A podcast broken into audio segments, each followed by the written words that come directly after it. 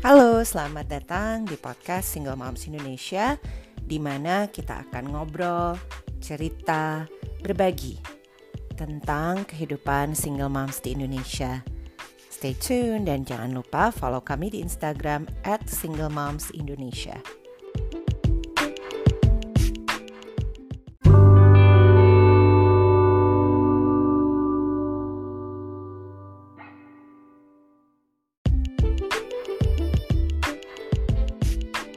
Selamat pagi, siang, sore, malam untuk semua teman-teman single moms Indonesia yang ngedengerin podcast ini di mana pun berada.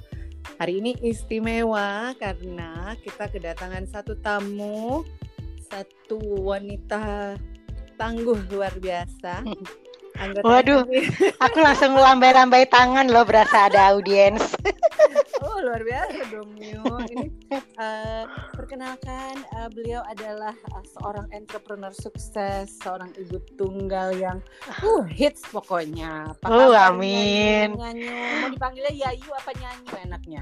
Bebas bebas itu pasti nama panggilan dua-duanya. Okay. Kabar baik Oyen, gimana hmm, Oyen? Baik baik. Ini makasih banyak lo nyanyi udah uh, apa menyempatkan waktunya untuk ngobrol-ngobrol kita cerita-cerita nyanyi kan? Gabung di SMI udah lumayan lama ya Nyu ya? Bisa dibilang oh. bisa dibilang SMI umur. SMI umur setahun ya terus nah, aku join. itu angkatan angkatan angkatan dulu lah. Nah, Nyu boleh cerita sedikit nggak Nyu? Uh, apa latar belakang dirimu udah jadi ibu tunggal itu berapa lama sih sampai nanti kita akan membahas mengenai sisi entrepreneur yang oh, pasti keren banget. jadi aku jadi ibu tunggal itu 2005 ya. Jadi inget banget waktu anakku umur lima tahun.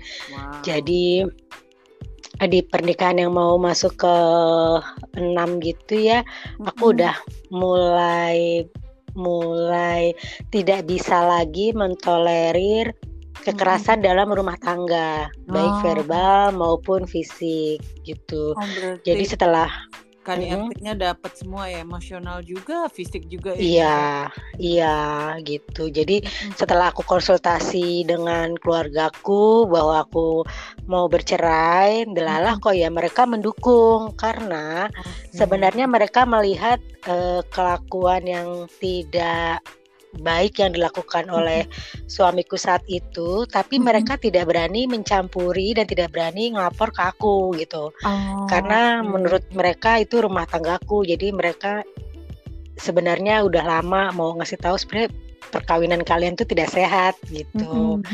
Tapi ya udahlah ya.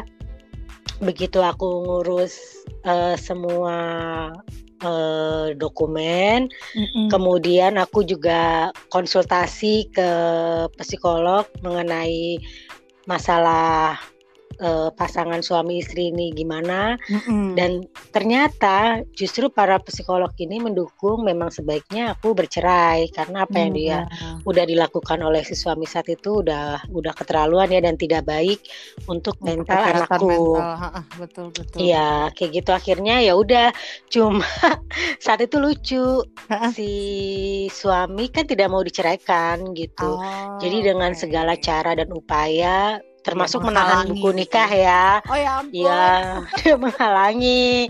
Terus kan kita nggak mau kalah set gitu kan. Oh. Kita datanglah ke tempat uh, eh, KUA kita menikah saat itu.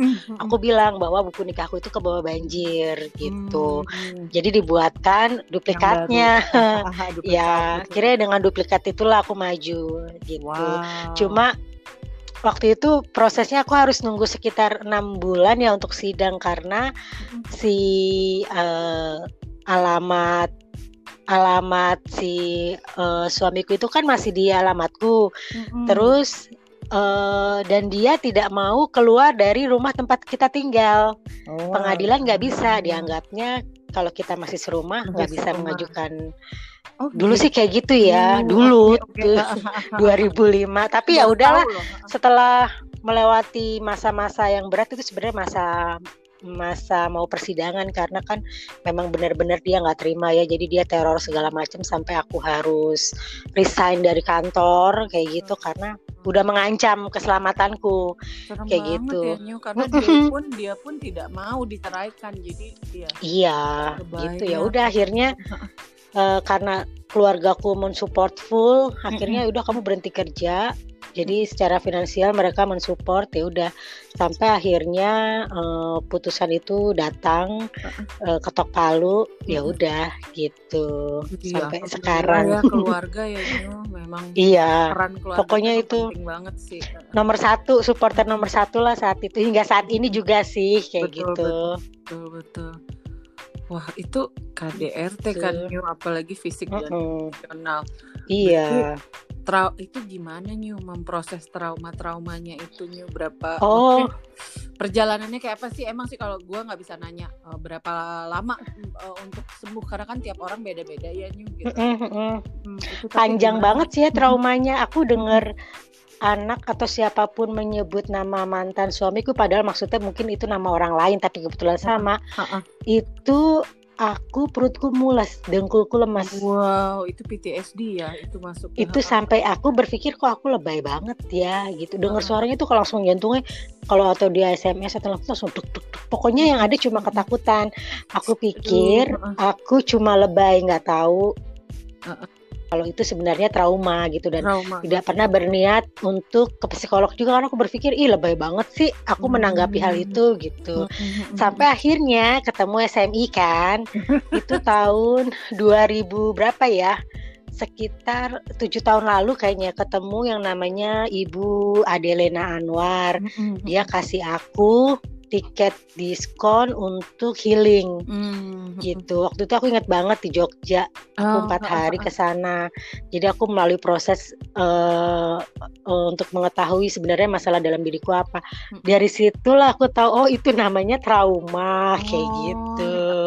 ya Iya, saking traumanya tuh aku buku eh, surat surat apa tuh namanya akte cerai Akte baru cerai. diambil 10 tahun kemudian. Itu pun yang ngambil anak yang ngambil kakakku. Karena gitu. aku dengar kata pengadilan agama aja tuh udah, Udah kayak mau muntah gitu ya, saking Nyu. dulu bolak-balik. Betul, Iya, traumanya sampai kayak gitu. Dan waktu itu inget banget perlu surat cerai tersebut yang ada kutipan mengenai hak asuh anak Asuh, karena untuk keperluan asuransi Hmm. gitu. Jadi mau nggak mau karena kantor bisa menanggung asuransi ya penting ada akte cerai. Barulah itu pun kakakku beneran yang ngambil aku udah nggak sanggup kayak gitu. Jadi ternyata ada trauma yang yang yang membekas, betul betul. yang berat banget. Heeh. Cuman ya alhamdulillah ya ketemu teman SMI terus mereka Mm-mm. eh, kasih tiket diskon aku yang buat ke Jogja itu Mm-mm. terus aku follow up ya udah kalau sekarang sih udah di titik yang aku sama anak kalau ngebahas masa lalu tuh udah di titik yang ngetawain gitu kayak ih dulu kita culun banget ya gitu Ya ih dulu ampun, kok bisa sih nikah sama laki-laki kayak gitu udah jadi kayak seringan itu sekarang kita ngobrol kayak gitu jadi udah ya alhamdulillah sih ya Iya gitu. benar. jadi ada peran SMI nih tetap nih Oh ya ampun terharu dengarnya aku nyanyi. Aku aja sampai Gitu. lupa loh itu. Tapi iya aku ingat waktu itu memang si eh, Uni pernah nawarin kan kita kan manggilnya Uni ya Heeh. biasa gitu.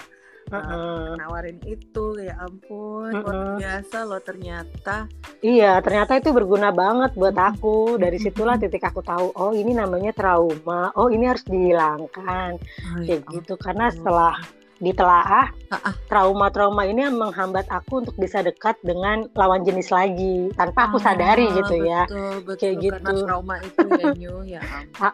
ampun. Iya. Tak- So far ya alhamdulillah ya udah kelar gitu. Mm-mm. Healingnya udah Udah, udah beres udah ya. beres. Ya ampun, Alhamdulillah banget. Iya sekarang udah tuh- damai sama masa lalu. Iya betul itu penting karena karena gue tuh ngeliat banget gitu loh maksudnya gue inget banget perjalanan lu gitu kan Uh, Hmm. apalagi dalam dalam sisi bisnis oh ya uh, mungkin teman-teman yang baru dengerin uh, Yayu ini adalah founder dari Kaloka Head Wrap ya Nyu Uh, Mm-mm. ada produk lain lah gitu nanti boleh kita tanya itu uh, perjalanannya tuh gue inget banget karena kan uh, waktu pertama kali jualan di SMI ya Nyu ya maksudnya maksudnya Iya. share di SMI, SMI gitu yang kan. mensupport, ya Ah, ampun. Pertama kali dipakai juga sama teman-teman SMI. Iya itu gimana nyu? Ceritanya nyu? Tiba-tiba apa emang emang dirimu hobi ngejahit? Atau gimana sih nyu awalnya sih enggak aku nggak bisa jahit sama sekali. Oh my god serius? Bahkan waktu itu kan produk pertamaku dijahit tangan. Betul betul betul iya kan?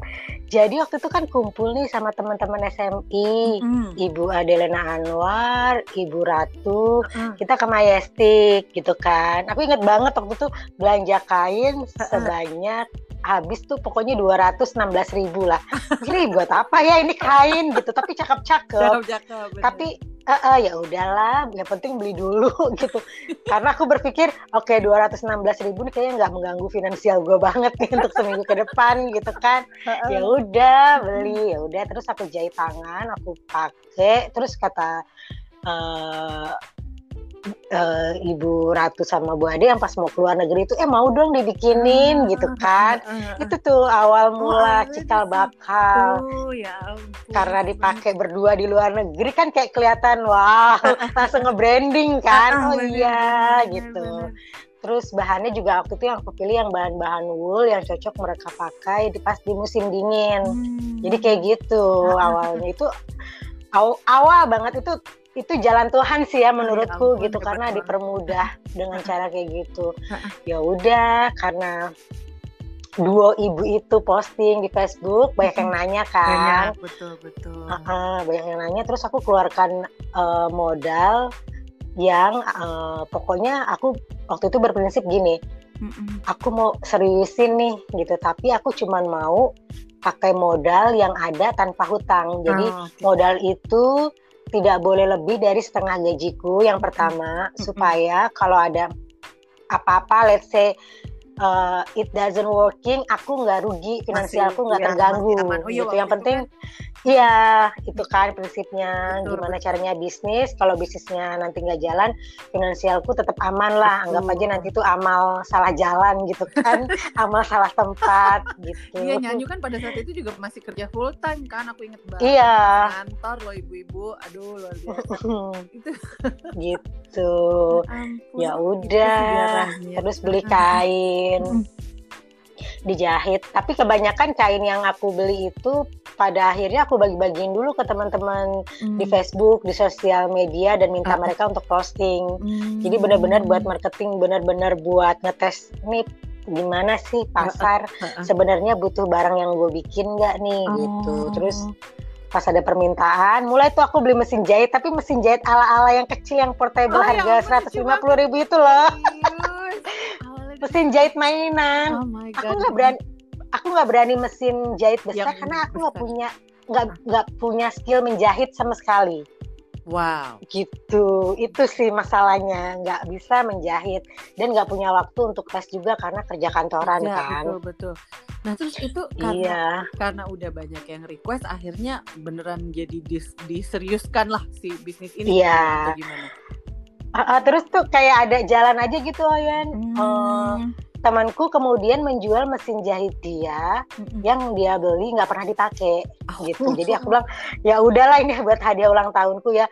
Kan karena temanku yang jual, uh -uh. jadi aku bebas enak nanya ke dia yeah. kan ke teman kantorku ini eh cara masang benangnya gimana sih hmm. dia yang ngajarin oh gitulah ini masang benangnya ya. kalau nggak lihat YouTube gitu jadi tuh kayak otodidak uh, gitu ya belajar mm -mm. menurut aku sebuah proses yang dimudahkan sama Allah lah betul, menurut aku betul, ya betul, gitu betul, karena ada aja gitu jalannya ya udah terus dari situ aku mulai belajar sama ada sahabatnya yang dia udah merintis duluan mm -hmm. uh, mengenai online shop uh -uh. terus ya udah aku bikin kayak uh, apa ya kayak planning lah gitu kan mm -hmm. uh, apa namanya budget yang aku siapkan ini modal ini mau buat apa aja apa buat hmm. endorse hmm. apa buat kursus gitu karena kan aku harus menambah ya. skillsku kan betul, betul, aku betul. buta banget mengenai promosi-promosi di Instagram waktu itu mengenai foto katalog itu kayak sebenarnya buta betul. gitu tapi ya ya gitu cari emang, tahu lagi cari tahu untuk belajar ya, gitu. ya New ya karena iya gue tuh ingat uh. banget salah satu hashtagnya New yang uh, gue lihat di IG waktu itu ya. Apa satu kelas satu bulan ya? Satu bulan satu kelas satu bulan, ya satu kelas. Itu keren banget sumpah keren banget New itu aduh itu itu itu gimana ceritanya sih New bisa bisa ada hashtag itu? Jadi kan gue memang uh, berencana sebenarnya waktu itu pokoknya umur 45 tahun itu gue udah nggak mau kerja kantoran. Itu udah prinsip banget. Kenapa wow. umur 45? Udah.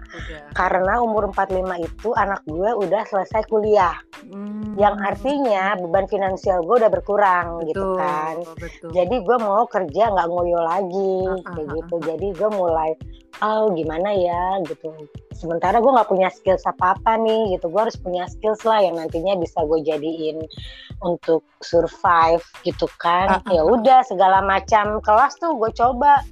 Ya, segala macam sampai yang uh, apa ya yang dari yang berguna banget dan mendukung kerjaan gue Bisnis, ya. sampai nggak mendukung sama sekali. Sampai gue ikut kelas apa ya kelas bikin bros kelas rajut. Gitu-gitu. Kelas Iya kelas SEO, terus kelas uh, marbling, bikin apa tuh ya, bikin dompet dengan teknik marbling segala macem lah pokoknya. Ya ampun, kayak gitu tie dye, iya segala macam. Udah gitu di kantor juga mendukung kegiatan. Uh, mereka sering mendatangkan guru-guru untuk kita uh, mau belajar apa pun. Jadi hmm. kantor tuh sangat sangat aktif ya. Uh, ya. menjembatani gitu ya, memberikan akomodasi untuk teman-teman yang eh lu punya ide apa nih kita panggil guru siapa nih untuk ngasih kita keterampilan wow, kayak gitu. Jadi terbantu dari situ sih minimal uh, gratis lah ya iya, gitu. Betul, Jadi betul. itu enak kayak gitu. Hmm. Terus belajar juga mengenai financial planning kalau lagi buat mulai usaha sampai yang gitu-gitu sih sampai sedetail itu uh, uh, gitu kan gimana mengelola gitu-gitu sampai akhirnya di titik um, di satu tahun pertama itu udah nggak sanggup kerjaan sendiri hmm. hire admin hmm.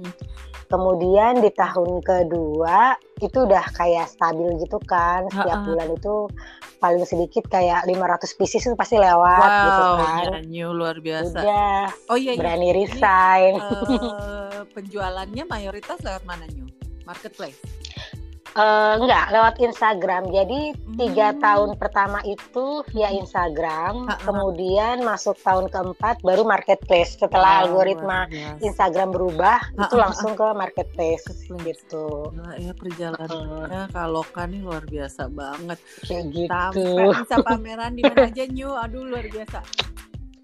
Di mana ya di Malaysia. Hmm di Brunei, di Kamboja, wow. di Jepang, di Rusia. Iya, itu kan keren banget ya Nyu. Hmm, sama mana ya Bangladesh ya, lupa deh kayaknya iya Bangladesh atau di Vietnam ya. Jadi kadang-kadang ada teman sesama UKM, mm -mm. Uh, yuk gue mau pameran nih, lo mau ikut nggak? Enggak ah, ya udah produk lu gue bawa. Kayak oh. gitu tuh oh, teman-teman sesama UKM suka saling gue bawa gitu. Nyo, keren banget. Mm -mm, saling mendukung kayak gitu. Berarti Jadi kita buka juga penting ya, ya? networking, ya? iya. Kayak gitu. Jadi networking, tanya-tanya ke sesama kalau kita lagi pameran kan banyak teman-teman tuh. Mm-hmm. Kadang yang rumpi aja bareng mereka curi-curi ilmu ya kan, tukeran nomor HP karena informasi-informasi kayak uh, eh pelatihan gratis nih dari Sudin gitu itu tuh dari iya. mereka kayak oh, gitu. Oke. Okay. Nah, ini buat gitu. penting penting banget loh buat reminder teman-teman yang ngedengerin podcast ini yang baru mau iya. mungkin ya Nyu ya usaha usaha kecil UMKM dari rumah entahlah bisnis apa uh, berarti satu kalau yang bisa gue tarik dari besarnya dari pengalaman Nyu nih satu jangan uh, ini untuk belajar ya Nyu ya nambah ilmu terus iya. ya, maksudnya itu kan terus. kan terhitung investasi hmm. diri sendiri ya Nyu ya iya uh, terus sama gitu. networking gitu kan uh -uh. banget wow itu luar biasa banget sama apa ya kalau sekarang itu kan uh, jualan sekarang lagi covid gini online hmm, ya. Betul betul. Terus yang penting banget itu sih yang aku terasa banget aku merasa terbantu ya uh -uh. copywriting sama foto Nah, betul banget. Gitu. Itu Jadi aku terbantu dari situ sih menurut aku. Iya, gitu. kalau nyanyi kan karena hobi nulis juga ya Nyu ya sebelum jualan hmm. aku iya. penggemar dirimu kalau nulis. Aduh. itu pas masa-masa gajebo ya kan healing juga sebenarnya ya betul betul betul rilis stres uh, uh. jadi nulis Berarti itu ya sama foto Gitu. yang cakep ya Nyu sama ya. foto akhirnya sih merasa itu terbantu pernah sih diginiin sama teman Mm-mm. eh, apa tuh ya namanya hmm, pengha- eh sorry rezekimu tidak ditentukan oleh foto produkmu Mm-mm. oleh captionmu semua itu ditentukan oleh eh, porsi yang Tuhan berikan gitu Mm-mm. kan aku pernah digituin Oh ya. aku bilang enggak aku bilang eh, foto dan caption atau copywriting itu bagian dari ikhtiar bagian dari usaha aku bilang gitu Hmm, kalau aku kan prinsipnya gini saat aku posting barang dagangan Uh-uh. satu kuncinya Mm-mm. jangan sampai timbul pertanyaan yang berulang-ulang dari setiap customer Wow. gitu. jadi pasti aku lengkap detail Hmm. gitu materialnya apa ukurannya berapa sampai ke uh, tebal tipis sampai sampai kadang aku tulis ini enaknya di matchingin sama baju yang begini loh Oh ya ampun sampai yang kayak gitu ya, iya jadi ya kayak gitu terus uh, apa namanya uh, kelebihan dari produk kita tuh sampai aku tulis gitu. Kayak ini jahitannya rapi banget loh gitu. Sekian uh, mili dari ba- dari batas lipatan gitu. Sampai kayak gitu karena kadang-kadang kita kan sebenarnya buang waktu ya kalau ada pertanyaan yang Iya, berulang-ulang berulang. dari betul, betul. calon pembeli ya. dari apa pembeli. Ah, ah, ya ah, pembeli pengiriman dari mana? Kayak Mm-mm, gitu. mm-mm. terus ini materialnya apa? Betul. bisa dipakai anak-anak enggak? Itu kan sebenarnya males. Jadi lebih baik kita pasang sedetail-detailnya. Caption. itu prinsip aku kayak gitu. Kalau ada lagi yang berprinsip ih kalau gue sih nggak mau. Karena eh, kalau misalnya kita dat eh, lengkap nanti nggak ada engagement. Orang akan orang akan malas bertanya ke kita jadi nggak ada nggak kapan trafficnya. Ya monggo Ah, terserah ya nggak apa-apa. Cuman buat aku ngapain traffic naik kalau akhirnya orang nggak jadi beli Nah, gitu hanya yang karena dia malas bertanya Betul, yang gitu. dicari kan sebenarnya ya engagement penting, tapi kan eh, yang dicari kan conversionnya sebetulnya ya Nyu. iya Jadi, iya. kayak gitu transaksi yang penting. Iya iya. Nah copywriting ini aku juga sebelum mulai usaha tuh aku riset. Hmm, Risetnya tuh kayak gini.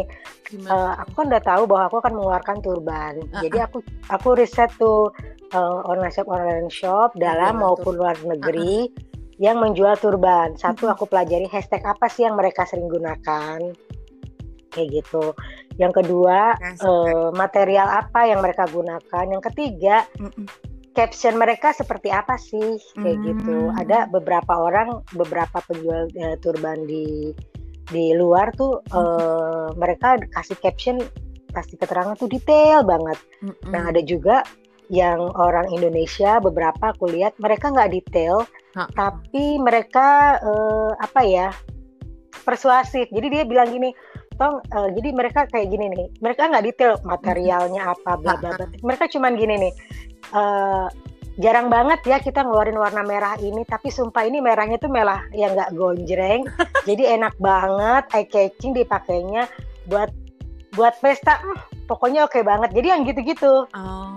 mereka dengan caption seperti itu gitu. Ah, atau aku juga pernah lihat orang jualan baju tuh sampai kayak gini nih Eh, ini materialnya itu eh, misalnya katun Madinah ya mm-mm. yang dipakai tuh flowy banget ringan banget terus kalau kalian duduk pun kemudian kalian berdiri tidak akan ada bekas tuh lec- eh, bekas lecek-leceknya nah itu kan sesuatu yang membuat kita penasaran iya ya sebenarnya betul. oh iya oke juga nah Uh-uh. sebenarnya copywriting yang kayak gitu sih yang aku contek aku gabungkan Iya, kayak iya, gitu iya, atau orang iya. jualan makanan kadang-kadang nggak lebay sih tapi oh iya gue jadi pengen beli. misalnya mereka Jadi cuma memancing mendeskripsikan perasaan pembaca Iya, yang cuman jual cuman jual somai aja dia bilang gini "Eh, pokoknya nih eh, apa namanya eh, daging sama tepungnya itu pas banget Mm-mm. kenyal terus sambal kacangnya nih pokoknya juara karena ada Hmm. campuran medenya gitu-gitu jadi kayak yang oh iya ya. Jadi bahkan penasaran ya. jadi penasaran gitu. Karena bahan-bahan yang mereka gunakan. Nah itu tuh yang aku serap gitu ya. Ah, yang oh oke, iya ini harus aku praktekkan di di caption captionku makanya aku sering gitu. Ah, kayak cuman sebenarnya biasa gitu ya motifnya tenun Bangkok yang motif biasa dan Ya biasa banget lah Oyen. Jadi kadang-kadang aku pakai ini tuh keren banget kalau kamu padu-padanin sama jeans, aku jalan-jalan ke mall, udahlah juara nggak ribet ya. Jadi hmm. gitu-gitu. Tapi itu sederhana itu pun tapi itu deskriptif loh New. Jadi gini, uh, iya. yang gue tangkep bikin orang bisa membayangkan, oh iya ya kalau gue pakai sama ini terus kan uh -uh. jadi pengen beli. iya, jadi mesti kayak gitu. Baiklah, berarti foto dan copywriting ya. Mungkin Iya, itu sih jualan untuk jualan online jualan online ya penting banget gitu.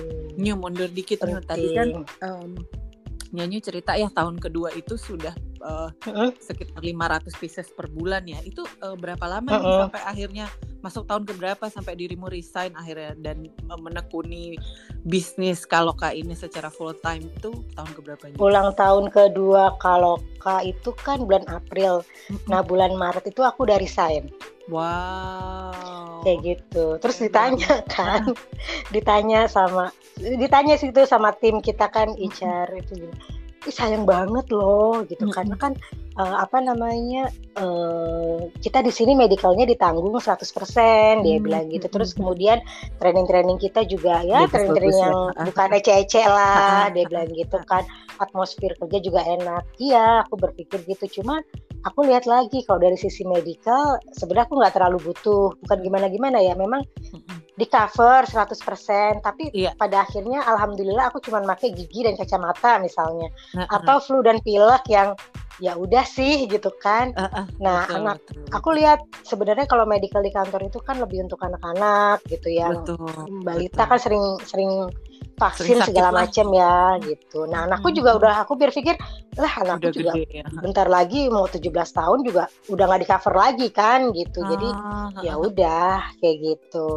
Akhirnya, Akhirnya dengan pertimbangan-pertimbangan itu dan waktu itu penghasilanku udah kayak aku bisa sombong gitu waktu itu ke temen gini gini mbak emang itu cukup dia bilang gitu dari jualan turban. Terus gue dengan sombongnya bilang gini mas gue bilang gitu. Tahu nggak gue gaji sebulan di kantor ini dengan jualan turban bisa gue dapetin dalam waktu tiga hari. Terus serius? Gitu. Iya gue bilang gitu kan. Serius gue bilang gitu. oh oke okay, kalau gitu lo resign aja gitu ya. Udah gitu. Betul, betul. kan memang resignnya baik-baik jadi ya enak. Semua kerjaan diberesin nggak ada utang segala macem hmm. gitu. Jadi handover kelar ya udah. Akhirnya dan bisa lebih fokus untuk mengasah skills yang lain hmm, gitu sih Oyen hmm, enaknya. Betul betul betul iya sih karena gitu. si Kaloka udah sebagai brand image pun sudah terbentuk kan gitu. Uh -uh. Banyak banget gue sendiri teman-teman gue yang tahu um, si Kaloka oh iya itu Masa SMI loh. gue suka eh, sombong gitu nyuk itu uh, aku di SMI gitu kan. Iya iya. Karena lately aku branding tuh juga untuk ini kan uh, apa namanya uh, chemo head kan gitu. Iya betul betul betul. Yang orang jarang nggak belum ada yang pakai di sini untuk oh iya chemo head kayak gitu. Betul karena kayak memang uh, itu mungkin yang ngedengerin podcast ini kalau belum tahu turbannya New ini tuh nggak nggak uh, jadi bisa dipakai yang non muslim juga ya New gitu loh jadi, iya uh, karena bentuknya sebenarnya kayak topi ya topi kupluk gitu ya bukan kupluk apa sih namanya ya, gitu apa lah. sih aku juga apa bini kupluk gue aku ya. sih bebas-bebas orang nyebut ya cuman fungsinya ya itu gitu mm -mm. ya uh, buat ya melindungi kepala Betul. buat menutup kepala kayak gitu praktis buat teman-teman kemo uh. kenapa buat buat aku waktu itu buat teman-teman kemo karena gini nggak semua teman-teman kemo itu mm-hmm. muslim yang kalau kepalanya botak bisa langsung pakai jilbab iya gitu betul, betul. mereka perlu sesuatu untuk menutupi kepala melindungi kepala mereka dengan bahan yang nyaman yang waktu nyaman, itu gitu sih. Betul. Ini mm-hmm. keren banget. Tuh sampai uh, itu hasil riset juga kok. Oh iya karena hasil riset karena ya. Iya karena pas aku cek dengan hashtag turban hmm. itu lari-larinya orang pakai hashtag kemohead. Oh gitu. Gitu, itu bagian dari riset juga. Kira aku pikir, oh iya ini bisa jadi uh, buat pasien kemo ya, betul, gitu. Betul. Jadinya hashtag itulah yang mengantarkan pembeli ke Kaloka lebih nah, banyak gitu. Itu emang penting sih main hashtag. Jadi buat teman-teman yang uh -uh.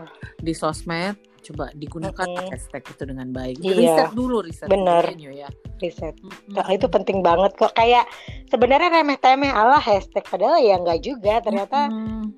Bisa kalau kak bisa berkembang ya dari situ Iya benar, gitu. benar. Dan yang gue perhatiin kalau hashtagnya spesifik itu bisa mentargetkan eh, apa ya calon customer yang tepat gitu kan New. iya Jadi nggak Mm-mm. hashtagnya nggak asal-asalan doang gitu loh, nggak cuma iya betul jual makanan contohnya. Ya itu hasilnya ada Iya. 50 juta kali di Instagram.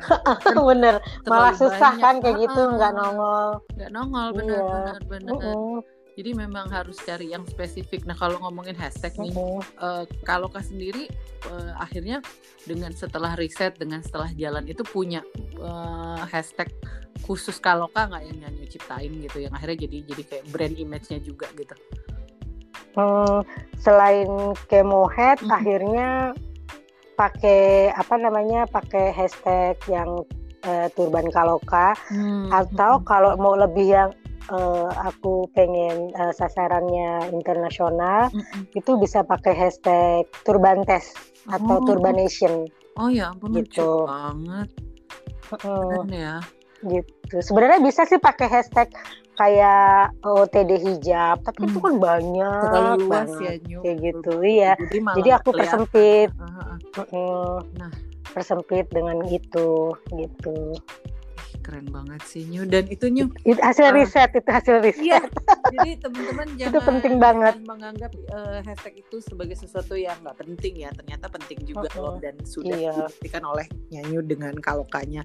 Eh, sampai dengan perjalanan waktu, gue inget banget cerita bahwa eh, brandnya kaloka ini sampai di apa? Nyu dipalsuin ya? Apa dicolong? Dicontek sih? Eh, apa dicolong foto? dicontek dicolong foto jadi Wah, gini jadi saat kita searching eh, turban gitu itu muncul foto-foto yang aku buat yang memang foto produksiku mm-mm. tapi Mm-mm. yang dijual bukan produk kaloka Oh, mereka ah. hanya menjiplak dengan material yang lebih Lebih kualitasnya bagus lebih rendah. fotonya gitu kan. Oh, Iya, oke. fotonya pakai fotoku Ah, tapi barang yang mereka jual dengan kualitas yang lebih rendah dan harga jauh lebih lebih Murah. rendah kayak aku iya kayak aku jual harga 100.000 ribu itu mereka bisa jual 18.000 ribu Wah, Kayak gitu. Tapi tapi udahlah jualnya murah banget yang pasti kualitasnya jauh di bawah standarnya Kalka Iya. dan mereka pun mencolong Mm-mm. foto gitu ya. Nyu. Mm-mm. Wow. paling cuman bisa report report cuma kan Mm. kalau report ini juga ternyata nggak semudah eh, dugaanku Hmm. eh, si marketplace akan akan langsung ambil tindakan ya jadi kayak report satu muncul 10 karena Iya. Sebenarnya yang menjual turban ini dia tidak tidak berjualan di marketplace dia hanya memproduksi oh gitu. di store storein lah ke Yang orang-orang yang, jualan. memang jualan di marketplace jadi saat aku Oke. tanya mbak ini fotoku tolong jangan dipakai dong itu kan nggak real jadinya Mm-mm. oh maaf aku dapat dari supplierku dan katanya foto ini boleh dipakai Oh, gitu Tuh ya. Iya, pas aku tanya suppliernya di jualan di marketplace juga atau gimana gitu, Uh-uh. atau kalian reseller enggak, mereka hanya produksi gitu. Jadi kayak yang Hmm. wah susah juga ya. Susah, betul gitu. betul betul. Ya. Jadi mungkin- akhirnya akhirnya ya ngakalinnya kita harus inovasi terus modelnya supaya Mm-mm. mereka nggak bisa ngejar kita Betul, kayak betul. gitu.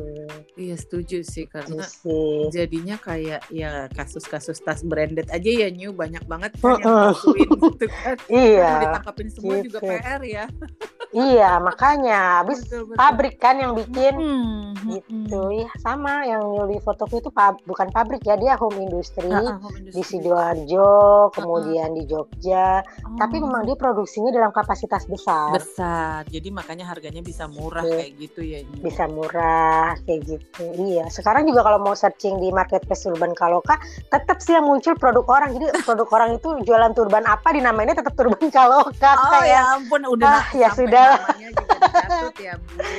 gitu jadi memang ya gimana ya paling akhirnya ngakalinnya supaya supaya apa namanya mereka nggak bisa ngejar uh, speed kita Mm-mm. satu inovasi yang kedua Betul. tuh inovasi desain ya kayak ah, gitu betul betul betul. sama kualitas harus tetap dijaga yang ketiga pinter-pinternya kita main di uh, sosial media kayak aku misalnya di Hmm. marketplace aku selalu infokan Heeh. untuk uh, apa namanya koleksi yang lebih lengkap uh, bisa lihat di Instagram kami oh. atau di Instagramku aku tulis uh, link Shopee kan untuk harga-harga uh, yang lebih murah atau sale hmm. uh, cek di marketplace kami yang kayak oh, gitu sih. Itu itu gila mm -hmm.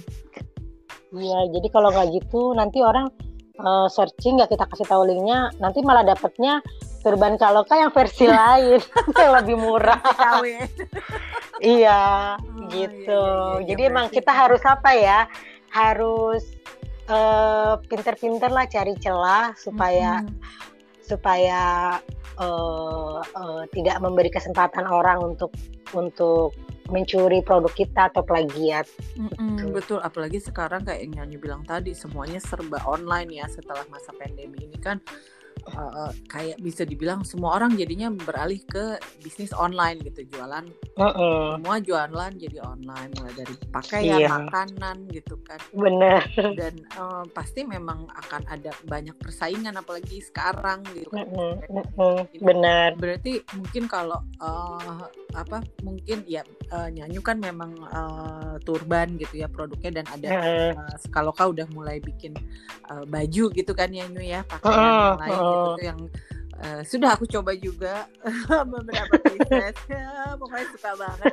Nanti uh, nanti aku ini uh, apa aku masukin link ke kalokannya ya di, di oh, terima kasih. Jadi teman-teman bisa langsung ngecek sendiri gitu kan. Nah itu um, kan, kan pasti ya benar ya yang nyanyi bilang gitu harus terus berinovasi gitu ya. Walaupun oh, oh. itu pun juga berlaku untuk teman-teman yang jualan makanan ya Nyu Iya. Nah, karena sekarang semua gitu. orang sampai artis-artis pun jualan makanan sekarang gitu kan. Uh -uh. ini aja jualan peyek ya, gitu kan. Kita rakyat jelata mau jualan apa lagi nih nah. kalau sekelas artis dia yang sangat uh ngebling-bling, sangat terlihat aja itu jualan peyek gitu nah, kan. Itu itu gimana nyu untuk menyemangati teman-teman yang yang mungkin baru mulai, baru merintis itu gimana nyu dengan dengan kondisi sekarang orang semua serba kompetitif gitu kan, semua pada eh gila online gitu. Gimana? Oh. Uh, satu itu kuasai itu sih uh, kuasai pasar kuasai pasar itu dalam artian yang pertama tadi itu riset jadi kita tahu kompetitor kita siapa hmm. gitu. hmm. Misalnya kita jualan bakwan. Jualan bakwan kan banyak banget ya bakwan jagung bakwan segala macam gitu. Bikinlah kita bakwan yang spesial kayak gitu. Hmm, hmm, misalnya pakai toge tapi togenya tuh toge Korea. Misalnya kan ada tuh toge Korea yang cantik banget tuh. Yang krenyes krenyes banget tuh enak banget.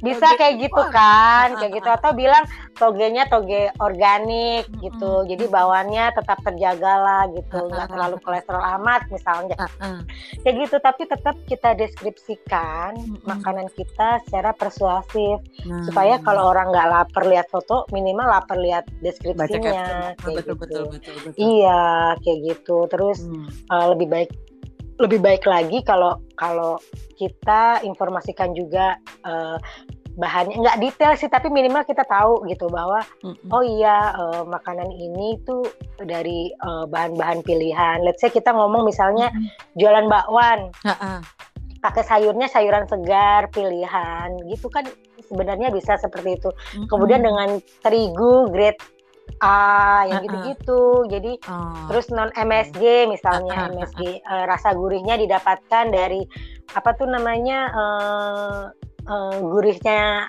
apa sih totol itu apa sih ya? kaldu jamur ya? Sari jamurnya itu kari jamur. Sebenarnya bisa kayak gitu dibanding kita cuma jual uh, apa namanya bakwan premium misalnya. Silakan diorder ya bla bla bla bla. Ya jangan gitu gitu. Orang juga hmm. males hmm. kayak gitu. Berarti jadi ya. yang persuasif ya. Deskripsikan. Gitu. Aku lihat kemarin beberapa di apa tuh di uh, eh, SMI Group ya yang mm-hmm. sharing boleh jualan itu. Yeah. cuman ada tulisan cus silahkan diorder gitu. Aku yang aku jualan apa? Gitu. Tidak semua. Betul tidak semua bisa membaca foto yang kamu tampilkan kayak gitu kan. Betul betul betul. Iya kan nggak tahu gitu. Iya. Baju renang muslim aja mungkin kalau ditampilkan foto silakan diorder. Ada yang berpikir itu baju renang, ada yang berpikir itu baju senam. Nah, betul. Kayak bisa gitu jadi kan. Jadi ya, betul.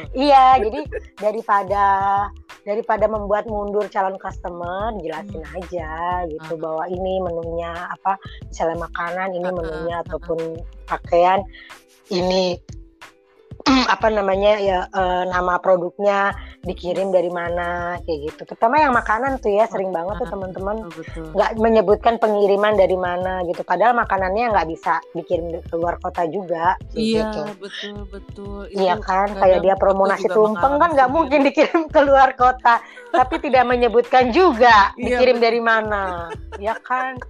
Dari hatiku. Salah ya. Iya, Betul, betul. posisikan diri kita ini sebagai calon pembeli sebelum kita berjualan. Nah, Jadi itu itu jadi penting tuh Nyu. tahu. Posisikan diri kita sebagai pembeli sebelum berjualan. Iya, Betul, mm-mm. betul sih. kayak gitu. Ya. Ya gitulah kurang lebihnya. Pokoknya intinya foto dan copywriting Caption, itu. Ah, ah, Iya, copywriting. i- dan caption itu pokoknya sebenarnya sangat bisa membantu penjualan gitu. Sampai ada jasa ini kan sekarang ada jasa copywriter hanya untuk postingan. Oh ya, tau nggak? Ya ada loh. ada yang Ah, menawarkan loh Oh ya. ya, nanti itu kita lanjutkan Iya. ah, setelah sesi podcast ini ya kayaknya ada yang perlu aku tanyain. Sampai ada yang jual jasa itu dan ada anggota SMI loh yang jual jasa itu. Oh iya, itu keren sih Mm-mm. karena, karena Jadi kayak per postingan ya. gitu atau tiga postingan gitulah, lima puluh ribu Oh, oke. gitu. Jadi nggak punya kemampuan copywriting atau Boleh eh, di outsource ya. tidak jago ya dalam mendeskripsikan produknya. Nah, bisalah tuh sewa jasa-jasa copywriter untuk Mm-mm. produk-produk yang akan diposting di sosial media. Itu lumayan membantu sih. Nah betul karena kan banyak yang gue dengar gini nyu teman-teman tuh ngomong ya mbak gue eh, fokus masak aja udah pusing katanya gitu kan Eh, nggak bisa nulisnya Iya, iya. Karena kadang membatasi duluan juga sih. Oh ya, dia udah mindset, menciptakan tembok mindset, duluan. betul betul, betul. Gue nggak bisa, udah capek ngerjain ini. gitu. Ah. Jadi ya gitu. Coba kalau mindsetnya diganti gimana caranya? Gue bulan depan bisa beli rumah ya di Nah. Sentul gitu. bisa Iya bisa kan? bisa pensiun dini kayak nyanyi gitu iya, iya. Harus difokusin sih, harus punya goal memang mungkin ya. betul Kecuali ya jualan cuman buat iseng-iseng. Nah, gitu. betul. Kalau mau jualannya mau diseriusin, berarti tetap ya harus ada Iya. eh, rencana jangka panjang itu mau ngapain sih, Mm-mm. mau dibawa ke mana Iya. bisnisnya, gitu kali ya Nyu. Jadi, Betul, iya. jadi udah punya perencanaan bisnis yang lebih serius lah dibandingin kita Mm-mm, jualan mm-mm. main-main. Gitu, Iya, kan. bikin aja goal, nggak apa-apa, nggak tercapai, tapi minimal kita ada track yang bener lah gitu. Mm-mm, mm-mm. Ada semangat kayak gitu. Atau ya lihat cicilan dan tagihan lah kalau udah berasa capek. Ya ya, kan? Iya, lumayan jadi imbus sih. Eh penting apalagi buat kita yang Gitu. yang ibu-ibu tunggal kan Nyu. Iya, Tagihan. ya kan lihat tagihan sekolah. Hmm, Aduh. kan gimana nih? Eh, eh, kan mau nggak mau otaknya harus jalan kan. Iya, iya, gitu the power of kepepet The ya. of Itu ada di situ. Aduh, ini gitu. ini obrolan ini tuh inspiratif banget karena waktu kita kayak waktu kita live uh, live di Instagram, kan Instagram. banyak banget tuh pertanyaan tentang bisnis nanti kapan-kapan kita bikinkan kelas kita undang Ibu Yayu untuk menjadi narasumber ya menjadi trainer Boleh. ibu di SMI Em, ini karena waktunya kita udah mau habis nih ada pesan Oh, lagi nggak iya. untuk teman-teman single moms yang di luar yang baru mau eh, apa ya baru mau masuk ke dalam bidang entrepreneur ini apa sih Nyu punya tips apa Kalau baru apa gitu? apa namanya eksekusi. Jangan cuma planning udah itu doang. Karena itu membuat menghambat sih. Betul. Penjualan ini deh. Tapi tapi begini penjualan itu tapi begitu. Mah eksekusi aja gitu. Hmm. tapi ingat dengan modal yang tidak akan mengganggu finansial kalian. Kayak Nah, gitu itu penting. Itu itu penting banget. Penting sih pengen ini Gitu. itu tapi ujungnya banyak semua kalimat berakhir dengan tapi gitu kan tapi iya iya. nggak jalan-jalan aja. aja terus. Iya benar Mm-mm, betul betul eksekusi lah gitu ada punya rencana apa eksekusi aja Baiklah, ini Duh, pembicaraan inspiratif enggak Heeh. kayaknya cuma Nanti yang lainnya sih menyusul kok kalau udah ya. fokus itu yang lain menyusul. kita ajak-ajak Gitu. lagi. Terima kasih banyak lo nyanyi untuk waktunya. Sama-sama Oyen. Untuk Thank you juga sudah mengundang saya Ih, tahu di nggak? acara ini. Tahu nggak? Aku tuh karena terinspirasi ngelihat perjalanan dirimu ya Nyu, makanya sampai di SMI kan jadinya bikin hashtag SMIpreneurs tuh karena ngelihat dirimu. Ya ampun, itu karena di power up kepepet sih Oyen ya. Gimana gitu biaya sekolah kenapa naik terus sih? Nggak pernah Nggak pernah gimana gitu. Iya. Gitu, tapi benar-benar gitu. menginspirasi sih dan semoga teman-teman yang ngedenger ini jadi lebih semangat lagi eh, Mm-mm. mengebangun bisnisnya, semangat Mm-mm. belajar tambah tambah ilmu. Iya. eh, semangat. Oh iya, satu lagi, oh iya. Ya, apa tuh? Sorry, gue takut ini ke skip. Pokoknya nggak mungkin jualan pertama itu langsung laris. Hmm. Bisa aja hari ini laku satu, nanti seminggu lagi kita baru bisa ngejual lagi itu nggak apa-apa. Itu bisnis tuh kayak gitu. Oh, Jadi jangan takut. jangan Iya takut. Baiklah. Wah, itu penting. Jangan lupa ya, teman-teman. nanti, nanti follow ini ya, follow Kaloka di Instagram. Akun Instagramnya boleh disebut Nyu? Di @kaloka.id. Nah, kaloka.id. Dot id ya caranya Turban Kaloka udah muncul kok Siap. Keren, keren, keren. Pokoknya, aduh, makasih banyak Nyanyu. Kita sampai sama-sama Oyen kesempatan selanjutnya. Ya, thank you Nyanyu. sama-sama Oyen bye bye Bye.